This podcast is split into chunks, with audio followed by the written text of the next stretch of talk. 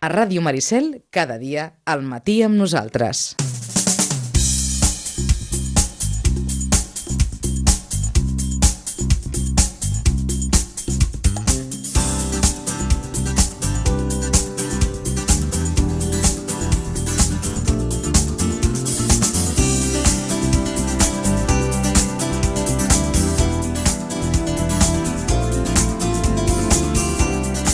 Ara mateix les 10 i 4 minuts del matí, els minuts que segueixen ens han de servir per poder fer una mica de crònica esportiva del cap de setmana, com acostuma a passar, eh, amb una mica de tot, eh? partits ajornats per la qüestió aquesta de la Covid, eh, victòries, derrotes... Comencem, però, repassant resultats de futbol base als equips de la Blanca. D'aquí uns moments saludem a l'Isidre Gómez, però així d'entrada els recordem que a la Lliga Preferent Juvenil el juvenil A de la Blanca va sortir derrotat de la seva visita al camp del Cornellà, 4-1 al descans el conjunt de eh, Raúl Heró, que ja perdia per 2-0 i en el tram final del maig Marc López va poder marcar l'únic gol de la Blanca, el que suposava el momentani 3-1 Cornellà encara va poder fer un quart gol també a les acaballes d'aquest eh, partit. Eh, destaquem també d'aquesta jornada la victòria del juvenil B, que es va imposar de forma clara i contundent 4-0 al Vilanova, ahir al Nou Pinsbens, amb hat-trick de Dani Cardiel. El conjunt de Dani Pujol, camp del descans, ja dominava per 2-0 i el juvenil B de la Blanca que trenca una mini ratxa negativa mm, que l'havia dut a perdre els dos últims eh, partits. Tenim al telèfon a l'Isidre Gómez. Isidre, bon dia, bona hora. Hola, bon dia. Què tal? Bé, resistint. Resistint, eh? És la, el, el que es pot dir avui dia. Eh, molts partits suspesos, eh, Isidre, aquest cap de setmana? Pues, una tercera part, de 15 equips, 5 suspesos. Déu-n'hi-do, déu nhi déu Sí, no, i, i un, ja estava mirant un, un Benjamí, el, tot el, eh, el grup, mm. eh, només van jugar dos, dos partits, o sigui, tots els altres ajornats. Un desastre. Sí, esperant, esperant que, que, que passi tot això, eh, però vinga, del que tenim, eh, i hem començat per, per, com sempre, pel juvenil de preferent, aquesta derrota contundent que va patir l'equip 4-1 a Cornellà. Sí, al minut 10 ja perdíem, sí que ja... Bueno, a part el Cornellà és un, un bon club, l'equip està al quart lloc, si no, no recordo malament, uh -huh. o sigui mhm. que en, entra dintre les possibilitats. Uh -huh. Una derrota que deixa la Blanca en aquest eh, lloc de la classificació allò de, de mig baix, eh? Mm, faltarien encara unes quantes victòries més per acabar d'intentar assentar-se còmodament, tranquil·lament, per dir-ho d'alguna manera, en aquesta, en aquesta preferent. Um, és la creu, la cara, al juvenil B, que es va imposar 4-0 al, al Club de Futbol Vilanova i al Nou Pinsbens tu has esmentat tres gols del Dani, que a més és un jugador cadet, o sigui que encara té més mèrit que, que ja en una categoria juvenil ja comenci a despuntar. Però bueno, jo veig que tots dos, el Vilanova C i nosaltres seríem equips de, de primer any, o sigui que són tots nanos joves. Uh -huh. En qualsevol cas, una, una victòria, com dèiem fa uns moments, Isidre, que, que, que talla aquesta mini ratxa negativa del juvenil B. Mm, eh, venia, bueno, venia de perdre dos partits. Sí, hem sí, sí, sí. contra els de dalt, el primer i el tercer, o sigui que, bueno... Sí, l'altre dia Ribes, eh, ara amb el, amb el Vilanova. Amb expulsions, uh -huh.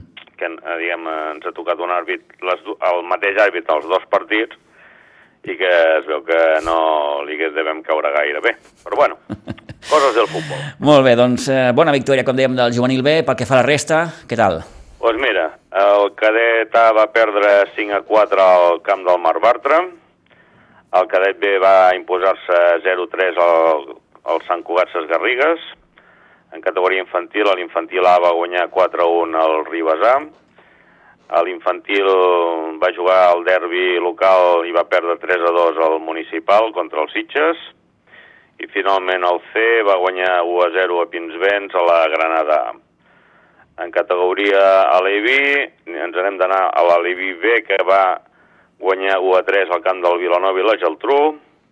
Ara ja en categoria Benjamí, el Benjamí va guanyar 0-4 a la Pobla de Claramunt, eh, a 3 sota 0, que van jugar, em van, em van comentar. Sí, sí.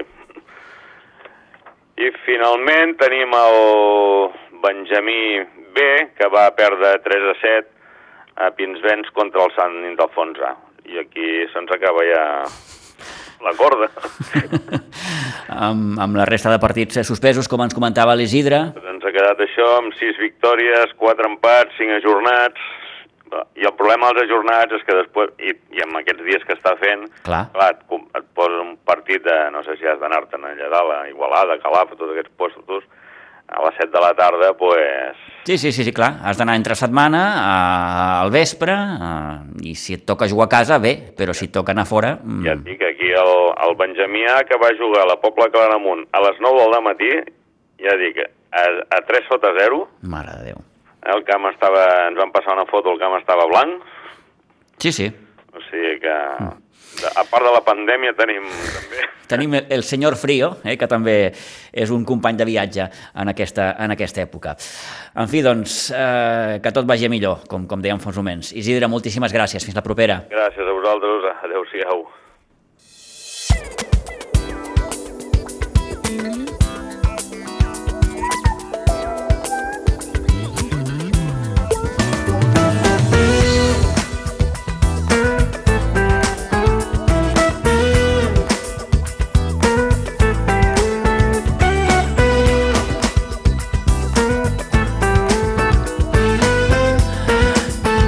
10 minuts del matí, després de conèixer els resultats dels equips de la Blanca, fem un repàs ara a la segona i la tercera catalana.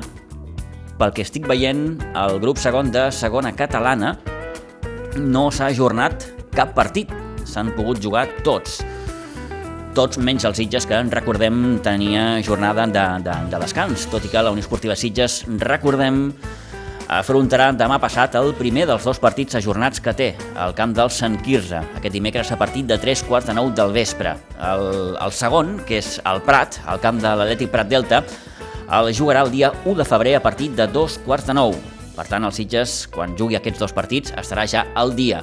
Si se n'ajornen més o no, esperem que no, això serà una altra cosa. Una jornada que ens ha dut de moment el liderat del Sant Mauro. Per què? Doncs bàsicament perquè el Sitges no va jugar i perquè el conjunt igualadí es va imposar 2-3 al camp del Terlenca barcelonista. Una jornada que també crida l'atenció al 6-2 que va patir el Cubelles al camp del Prat B la victòria també del Marianao, que segueix en aquest pom de dalt. El conjunt de Sant Boi va guanyar 0-1 al camp de l'Sporting eh, Gavà i també la golejada 0-6, la Fundació Leti Vilafranca al camp del Montserrat Igualada.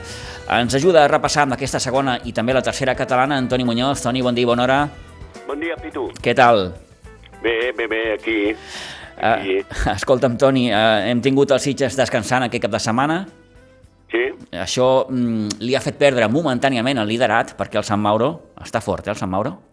Sí, sí, està molt fort, perquè a més a més eh, tenia un partit molt complicat i se l'havia complicat el partit, eh, perquè van marcar en l'últim instant eh, i va acabar guanyant, no? Eh, sí, són tres punts molt importants per al Sant Mauro, eh, que d'aquesta manera demostra que està en un gran moment. Un Sant Mauro que, curiosament, jugarà el partit ajornat el mateix dimecres, dia que el Sitges juga a Sant Quirze, mm. eh, i ho farà davant de l'Olivella. L'Olivella jugarà a, a Sant Mauro el dimecres a les vuit i mitja del vespre. Aquest partit ajornat també per Covid. Sí, sí, s'han de començar ja a disputar aquests partits pendents que s'han anat ajornant aquestes últimes setmanes. Un Olivella, ara que parles, Toni, que va passar, no va passar de l'empat a un al seu camp amb el Sant Andreu de la Barca, va haver d'igualar el gol inicial del, del Sant Andreu. Sí, sí, sí, un partit que vaig veure eh, i a mi me va causar molt bones sensacions a l'Olivella. Tenia bases significatives en aquest partit i això l'Olivella ho, ho va notar molt, no?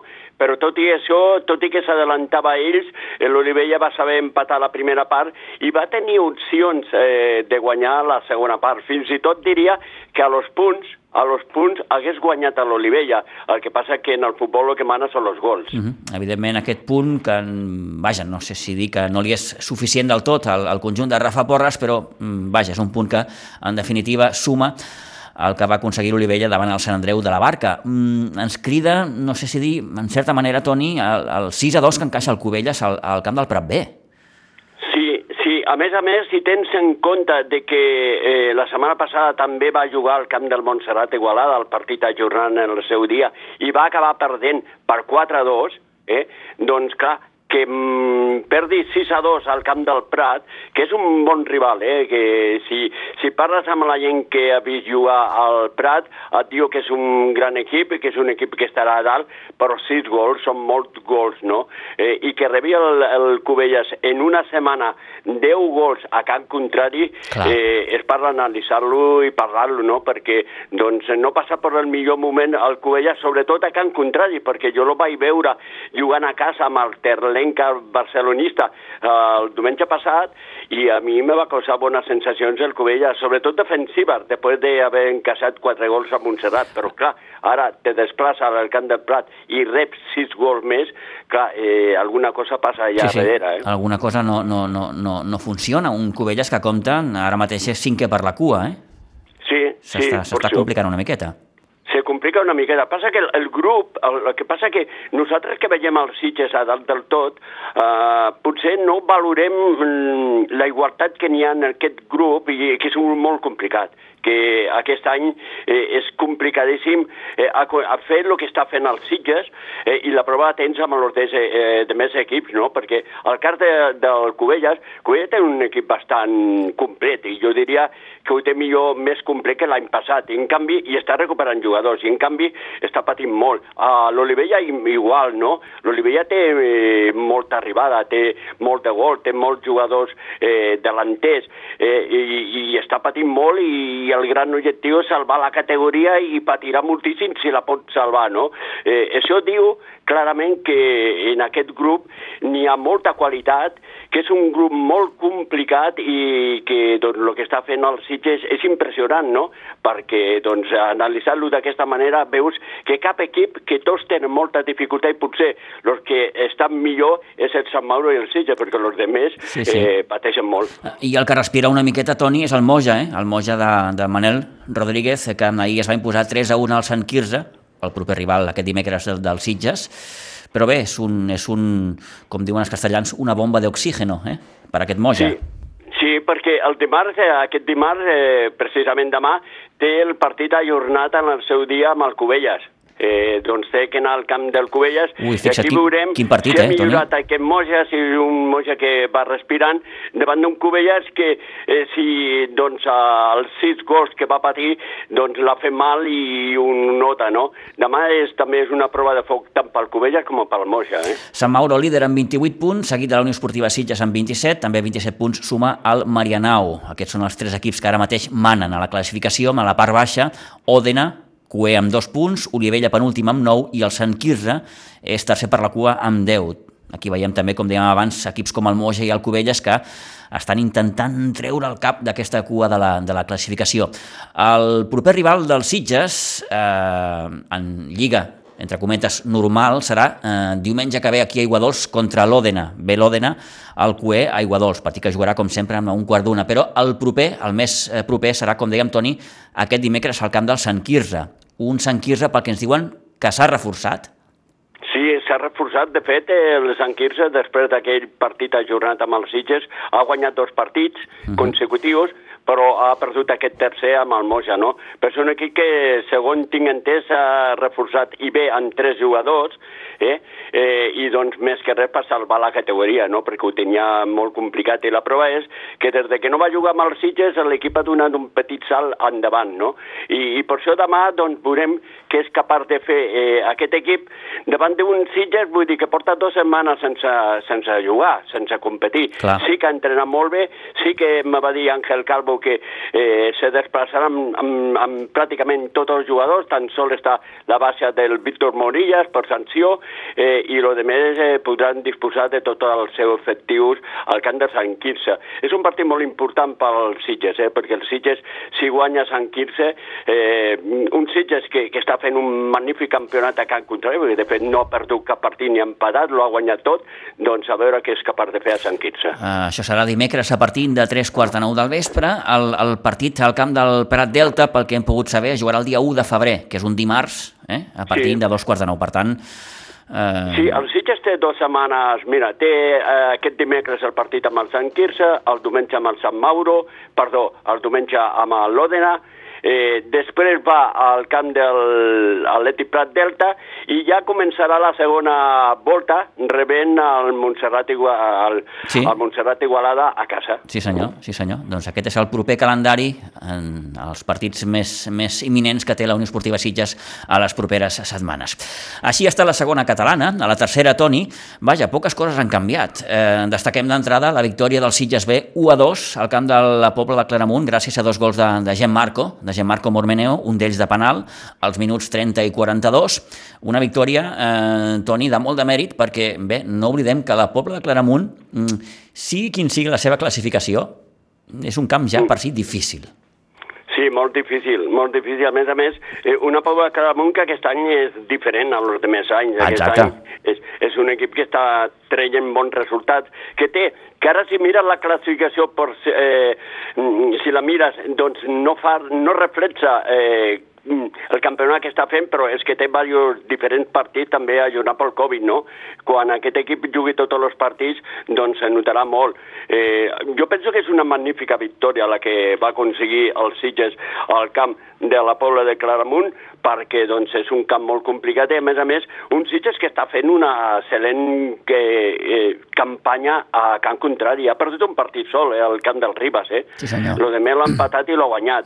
eh, doncs per a mi és una molt bona campanya del, del Sitges a camp contrari i aquest partit, eh, doncs ho diu clarament, era un partit complicat, eh, molt complicat perquè mm, per, per tot el que reflexa aquest equip i tot el que dona aquest equip al seu camp, perquè allà està la gent molt sobre, és un camp petit, al mig d'una plaça, doncs eh, moltes dificultats, però Gianmarco feia el minut a la primera mitja hora, doncs al 0-1, eh, eh, ells empataven al minut 37 i després de penal, Gianmarco feia el 1-2 que donava la victòria al Sitges, però tota la primera part, eh, la segona part se va tenir que treballar, lluitar i al final se va aconseguir els tres punts. Eh, ara que parlem de Gianmarco Mormeneo, important recuperar una miqueta aquest jugador. Dic recuperar perquè eh, a les últimes jornades no havia tingut tanta, tanta presència golejadora. No, i, i clar, és un jugador a tenir molt en compte, mm. té molta qualitat, és un jugador que se li té que saber portar i que realment, doncs, si el jugador fa el que té que fer, és un jugador que li pot eh, aportar moltes coses a aquests Sitges. Eh, doncs ahir fins i tot mm, van aprofitar de poder tenir jugadors com Álvaro Montesinos, que és un jugador que està jugant amb el primer equip, ja que eh, com han tingut aquests dies de, de, de, de Descans. descans Mhm. obligat, eh, doncs Álvaro Montesino ha pogut anar amb el- amb l'equip, amb el B, i doncs també és un reforç que l'ha anat molt bé aquest equip, no? Eh, doncs un Sitges que eh, té que millorar molt a casa, però que a Can Contrari està jugant molt bé, i a veure si doncs eh, millorant a casa... Eh, lo més interessant és que doncs surtin jugadors, que se formin i que facin la seva feina, que es guanyin o perdin, vull dir, aquí eh, no vol dir res, però si tu mires la classificació, mira que de los cinc primers, quatre són del Garrafe, Sí, sí. està el, la Penya Jove, està el Ribas, està uh, l'Atleti Vilanova i està el Sitges, el Sí, Sitges sí. que és cinquè. Eh? Ara comentarem com queda la classificació d'aquest grup 12 en una jornada, Toni, eh, en què, vaja, no hi ha hagut sorpreses. Eh? Eh, L'Atlètic Vilanova mm, va guanyar 0 a 3, compta perquè és la quarta victòria consecutiva del conjunt de Cigor Bengoa, que des que va arribar a la banqueta ho ha guanyat tot. Sí, sí, que se va sentir molt còmode, eh? que va fer un bon partit, se va sentir molt còmode i va guanyar eh, 0-3 a un equip mm, doncs, que no passa el millor moment, el Piera, però que és un camp complicat allà sempre, eh? el camp del Piera. Oh, i I, a tant, més a oh, més, tant. un, un Atlètic Vilanova que va tenir que jugar eh, doncs, de, del minut 39 amb un jugador menys per l'expulsió de Sergio Jiménez, un Sergio Jiménez que va entrar en, en una picabaralla, eh, que va donar un cot de puny a, a un jugador eh, rival i doncs que això li va produir l'expulsió, una expulsió que millor té no, eh, una xifra d'un, dos o tres partits, no? Veurem, veurem què passa. Vull dir, aquí se complica la vida Sergio Jiménez, però tot i això, tot i que Sergio Jiménez va ser el que va marcar el primer gol al minut 18, eh, ells va, l'Atleti Vilanova, don Ricard Fernández feia el, el 39, el 0-2, i al minut 81, eh, amb un jugador menys, aguantant tota la segona part amb un jugador menys, doncs Ángel Nieto feia el 0-3. Jo diria molt bona victòria de l'Atlètic Vilanova. La quarta victòria consecutiva, com dèiem, per als homes de Cigor Bengoa. Eh, idèntic marcador, 2-0, va guanyar el Ribas al Masquefa i 2-0 també va guanyar la Penya Jove a l'Ateneu Igualadí amb una nova xarxa de Carlos Contreras, que Toni ja porta 23 gols. Eh, Carlos Contreras que surt a poc més d'un gol per partit. Sí, però va patir molt, eh, l'Atlètic eh, perdó, el Penya Jove mm. davant del, del l'Ateneu Igualadí. Igualadí. Mm. L'Ateneu Igualadí va ser un partit molt seriós. Sí que marcava al minut 40, fins, fins al minut 44 de la primera part no marcava Carlos Contreras eh, l'1 a 0, però és que abans ell havia tingut dos o tres ocasions. El problema de l'Ateneu Igualadí, que juga molt bé a futbol, és que no té gol. És que doncs, són molt innocents de cara a porta. Eh, lo de més, molt bé, és un equip que s'ha de fer molt bé, que treballa molt bé les pilotes, que le dona un tracte exquisit al, a la pilota, a los jugadors, que la toquen molt bé, molt bé, eh, i fins a, i tenen en compte una cosa, que sí que marcava el, el 1 a 0 al minut 44 Carlos Contreras, però fins al minut 90 no arribava el segon gol del Penya Jove. Alex Morilla en una gran jugada de Contreras feia el 2 a 0 final, però que va patir eh, la Penya Llova, lo vaig veure partir, sobretot la segona part, ells van tenir ocasions i li va faltar el gol. En canvi, la Penya Llova, doncs, amb la qualitat que té a davant, doncs, al final va poder guanyar per 2 a 0. En qualsevol cas, és la tretzena victòria del conjunt de les Roquetes que li val per eh, reformar el seu liderat. Eh, 39 punts, eh, seguit del Ribas amb 33, quart atenció, eh, tercer, perdó, és el Vilanova del Camí, amb sí. 29 punts, que s'ha colat aquí entre els equips del Garraf, Toni. Eh, sí. Quart, l'Atlètic Vilanova amb 28, i en cinquena posició tenim el Sitges B amb 27, un Sitges B que, recordem, dissabte rep el Piera, aquí a Iguadols, a un quart de sis que lo té que aprofitar, eh? Mm. té que guanyar el Piera i retrobar-se amb la victòria. Ja se va retrobar davant del Torrellent, però patint molt, i es té que tornar a refermar en el municipal, que potser és la signatura pendent d'aquest equip. Un Piera que ara mateix és quart per la cua, després d'haver sumat 12 punts, tancant la classificació d'aquest grup 12, el Torrellenc amb 11, l'Ateneu Igualadí amb 8 i el CUE, el Masquefa, amb 4. 10 i 25. Toni, moltes gràcies per ajudar-nos a fer crònica d'aquesta jornada futbolística. Que vagi molt bé. Fins la propera. Adéu-siau, Toni. Molt, molt bé. Adéu, Pitu.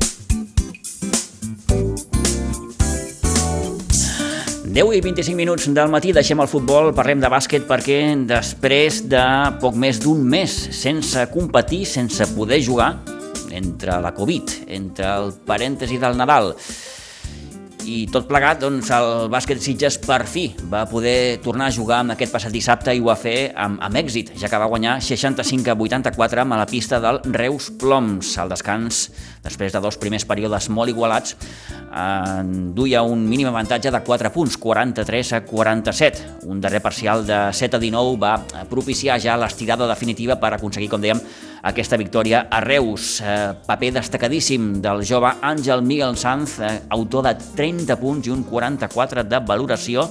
Per tant, un partidàs el del jove jugador del bàsquet Sitges. La crònica del partit i de com afronta el que resta de campionat al bàsquet Sitges ens l'ofereix el seu entrenador, Balta Molina. Salutacions, Pitu, i a tothom que estigui escoltant. Eh, mira, et comento el partit dels Reus Ploms, Eh, és un partit que era, era important, era important guanyar-lo i per sort ho vam aconseguir. Eh, pensa que no jugàvem des de desembre, des de que vam perdre el partit de Salou. Llavors teníem una espècie de, de regust dolent que havíem de treure'ns-ho i eh, per sort el Reus Plons va ser valent de jugar, havien jugat el dia anterior, la nit anterior pràcticament, perquè nosaltres jugàvem a les 4 de la tarda i ells a les 10 de la nit estaven jugant eh, partit aplaçat i tenia lesionat el, el número 8, que era el seu màxim anotador, es va lesionar precisament la nit anterior, tenien el número 99, el pivot titular, de baixa per Covid i tot i així es van decidir a jugar. Agraïts, agraïts per això. Van sortir super forts. Nosaltres, clar, la inactivitat la vam pagar. un parcial 27 a 23, vam encaixar 27 punts al primer quart, ens va ficar 5 triples, va ser una miqueta alerta, eh? No, no... però bueno, eh, el partit va evolucionar, vam augmentar el ritme i la tensió en defensa i mica en mica vam encaixar menys punts a cada quart per acabar amb el 65-84 final, a destacar el partidàs de l'Àngel, jo sé que t'agrada aquest jugador, doncs mira, haguessis flipat. 30 punts, 15 rebots. 30 punts, 15 rebots, en 30 minuts de joc. Impressionant i 44 de valoració, poques valoracions les he vistes tan altes. També va jugar molt bé el Mauro, que va fer una miqueta de tot i va estar en els moments que vam remuntar i el Nacho també, com sempre, dominant el joc i ràpid i explosiu. Eh, I mira, enfoquem la Lliga, la setmana que ve ens arriba a Vilanova, acabo d'arribar de, de veure el seu partit contra el Vendrell, suaré en tinta, i com, com ja vam suar tinta ja, els he vist molt bé, la veritat, eh, encertats de, des de l'exterior, eh, buscant molt bé els, els espais, tenen un joc interior molt bo, suarem tinta, intentarem per tots els mitjans que el partit sigui almenys disputat. I la Lliga que ens presenta, doncs mira, no ho sabem. L'equip que té més eh, partits jugats té 12. No hi ha cap equip, si no recordo malament, és que crec que no, que no hagi tingut, un, que no tingui un, un partit aplaçat. Nosaltres en tenim tres. Ja vam lligar el partit que teníem contra veterans a casa, que el jugarem el dia 4 de març, i eh, esperem doncs, eh, concretar els dos partits que ens queden eh, contra el Vendrell al Vendrell i contra eh, mi querido Casal, que ara, ara mateix eh, és l'equip que té menys derrotes darrere nosaltres, que és que eh, és impressionant. Cada any jo crec que somiaré amb ells, al final tota la meva vida. I fora conyes, la veritat és que, és que estic content que sigui el Casal, perquè d'alguna forma som enemics, però li tinc carinyo, perquè, ostres, aquests partits que hem jugat aquests dos últims anys han estat eh, molt macos. Esperem que no hi hagin més aplaçaments, que segurament hi, ha, hi haurà els ajornaments per Covid, però mira, eh, estem a l'espera de notícies sempre, cada, cada, cada divendres i cada dissabte o diumenge doncs, mm, estem pendents de que al final el partit es jugui o no, perquè en qualsevol moment doncs, poden haver contagis i circumstàncies que, que facin que el partit no es pugui jugar. Així que, com és un factor que no podem influir amb ell, doncs treballem els entrenos a la, a la mesura que podem, amb els jugadors que disposem, que també per tema Covid intentem no barrejar equips i no pujar gent d'altres eh, categories, del júnior, del sènior B, i esperant també que ens arribi al pavelló nou, bueno, nou, el pavelló reformat, que puguem entrenar a camp sencer, que això ho estem, ho estem patint un munt, Pitu. Eh, la, els entrenaments al, al camp de hockey, a la pista lateral, mm, pf, bueno, fem el que podem, però és un cap petitíssim, no podem fer transicions, la, no podem fer contraatacs, i això paguem almenys 10, 12 o més punts cada partit de transicions curtes en defensa i de contraatacs que hauríem de, hauríem de jugar i que finalment no juguem per la falta d'habitualitat.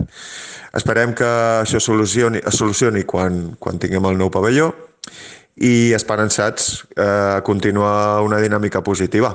Eh, una salutació per tothom.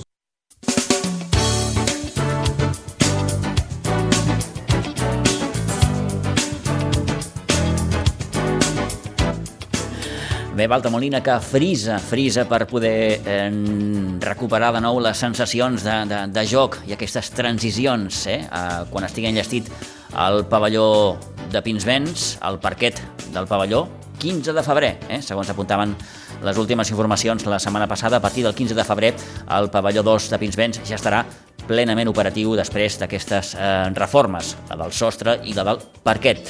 Un bàsquet de Sitges que, com ens en recordava en Balta Molina, té encara tres partits pendents, un d'ells, amb el veterans Salle Reus, ja, hi ha data, ens ho apuntava el mateix Balta, el 4 de març, eh, quedaran pendents la visita a la pista del Vendrell i eh, rebre aquí al casal de Vilafranca. Però el proper partit del bàsquet Sitges, amb permís de la Covid, això sempre ho hem de posar allò una mica entre cometes, doncs serà diumenge, aquest diumenge amb la Pinsbens amb el Club Nou Bàsquet Vilanova, en una jornada en què també destaquem, com no, la victòria del sènior femení que es va imposar de forma clara, 27 a 72 a la pista del Club Bàsquet Viladecans. Eh, bon partit de les noies de Nacho Vicente, des del punt de vista notador, Anna Roig i Berta Ribe, màximes encistelladores amb 14 mm, punts cadascuna d'elles. Parlem també d'hoquei patins perquè Uh, aquesta jornada ens ha dut la derrota del primer equip del Club Patí Subursitges que va perdre 6 a 2 ahir al migdia a les casernes, a la pista del Club Patí Vilanova, un partit que al descans estava empatat 1 a 1 amb gol de Marçal eh, Monasterio. S'avançava Eloi Fernández del Club Patí Subursitges amb l'1 a 2, però a poc de començar la segona part, el Vilanova va igualar de nou Re, els segons de marcar els Sitges a l'1 a 2. 2 a 2 i segona part ja clara per aquest eh, club patí Vilanova que, com dèiem, endur la victòria per 6 a 2. Um, doble jornada té el club patí Estubur Sitges que segueix, evidentment, a la part baixa de la classificació amb només dos punts, sense estrenar-se encara en la casella de victòries. Doble reacció té, com dèiem, l'equip de Jofre Vilà aquest proper cap de setmana perquè, atenció, jugarà dissabte al vespre a tres quarts de vuit a la pista del Monjos i l'endemà al migdia, a partir de dos quarts d'una, visitarà la pista de l'Andorra. És un dels dos partits pendents que encara té el Patí Subursitges, el d'Andorra, diumenge dia 30, a partir de dos quarts d'una. Quedarà pendent encara el partit a la pista del Juneda. Eh, una jornada, si continuem parlant d'hoquei patins, que ens ha dut uns quants ajornaments. No van poder jugar amb els seus partits, per exemple, el Benjamí, que tenia previst amb el Ripollet, i tampoc va jugar l'Alevi a la pista del Cadí. I acabarem parlant d'en rugby, perquè a la divisió d'honor B eh, es va ajornar el partit del Rugby Club Sitges, el que tenia previst jugar amb aquí el nou Santa Bàrbara dissabte passat amb l'Hospitalet. Eh, també es van ajornar dos partits més, en aquest cas el Sant Cugat Poble Nou i el Cau València. Dissabte que ve, a Sitges, el nou Santa Bàrbara, a Pinsbens, el Rugby Club Sitges, que podrà jugar la jornada que té amb el Gòtics. Quedarà pendent encara aquest amb l'Hospitalet, però aquest proper dissabte, a partir de les 3 de la tarda, aquí a Sitges, el Rugby Club Sitges s'enfrontarà al Gòtics amb el primer dels partits pendents que té. També es van ajornar els partits que havien de disputar amb els equips sub-16 amb el Tarragona i el del sub-14 a la Taixonera, amb el Barça en rugby. I acabem eh, amb bones notícies perquè al campionat autonòmic femení la selecció catalana sub-18 es va imposar a 48-0 a la selecció de Madrid amb Ainhoa de Viron, jugadora del femení dels Sitges, i Alberto Montero, entrenador de l'equip sub-18, fent de segon entrenador. Per tant, la quota sitgetana en aquesta victòria de la selecció catalana sub-18, 48 a 0 davant Madrid. També va guanyar l'equip sènior, eh, 25 a 27, en aquest cas amb un marcador molt més ajustat i també amb presència, diguem-ho així, sitgetana, ja que la selecció catalana tenia dues exjugadores del Rugby Club Sitges, com són Raquel García Godín i Estefany Benítez. Amb aquestes bones notícies que ens arriben des del món del rugby, posem punt i final a aquesta crònica esportiva, 10 i 36. Seguim endavant.